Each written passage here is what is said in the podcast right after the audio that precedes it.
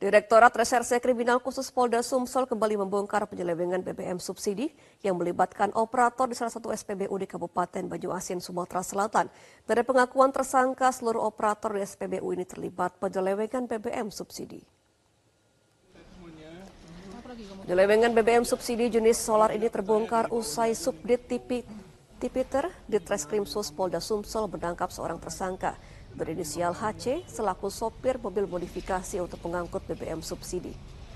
Tersangka ditangkap saat sedang mengisi BBM jenis solar subsidi secara berulang-ulang di salah satu SPBU di kawasan Tanjung Api-Api. Dari penangkapan tersebut terungkap tersangka menggunakan puluhan barcode My Pertamina dengan kapasitas sekali isi BBM solar 100 liter per hari.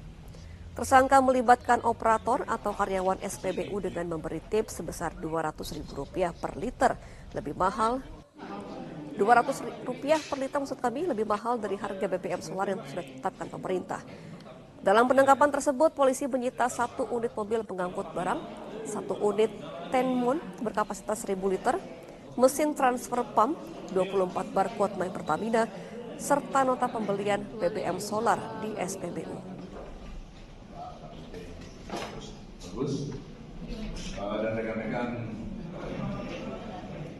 langkah-langkah penyidikan sudah disiapkan oleh uh, tim penyidik di antaranya ini kita juga mengambil sampel ya.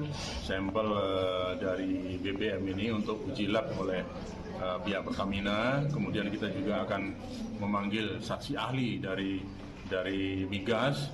Kemudian juga ini tergantung dari perkembangan penyidikan nanti. Hmm. Ya, ini salah satu poinnya adalah kita akan kembangkan kemungkinan-kemungkinan ada yang tersangka lain. Jelajahi cara baru mendapatkan informasi. Download Metro TV Extend sekarang.